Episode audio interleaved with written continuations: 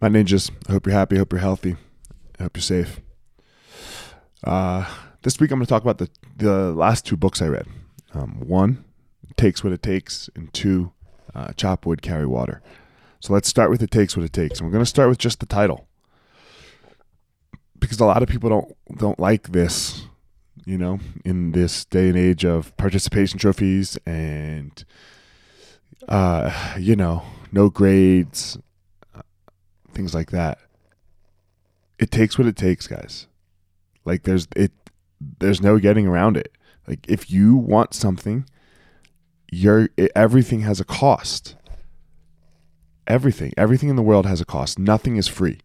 And if it's free, then it's not worth it. If it's free, you're not going to you're not going to enjoy it. If it's free, you won't appreciate all the work that it took to to make that happen.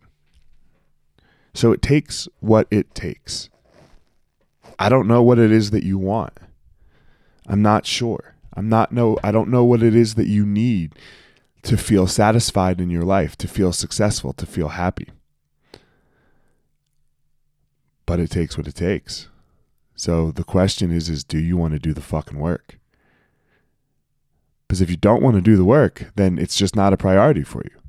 I'm going to give you a perfect example here. Look, my friend Vinny owns a gym, and I can go work out with him um, at noon, Monday, Wednesday, Friday. I can't do that right now. Things are too crazy for me. So I'm not willing to do what it takes. I, I can't prioritize that. That's okay. I exercise. I exercise all the time. Six, you know, six to seven hours a week. I just can't do it with my friends and my homies like I want to. But he's not going to move his schedule around. He's not going to change everything for me. His response to me was, When you're ready, I'll be here. And that's the right answer. Not like, oh, we'll make the. No. Put, put it on me. Put that onus on me. Because it takes what it takes. And when you set your priorities and you know what it is you want, you'll understand that concept and it'll help you find your power.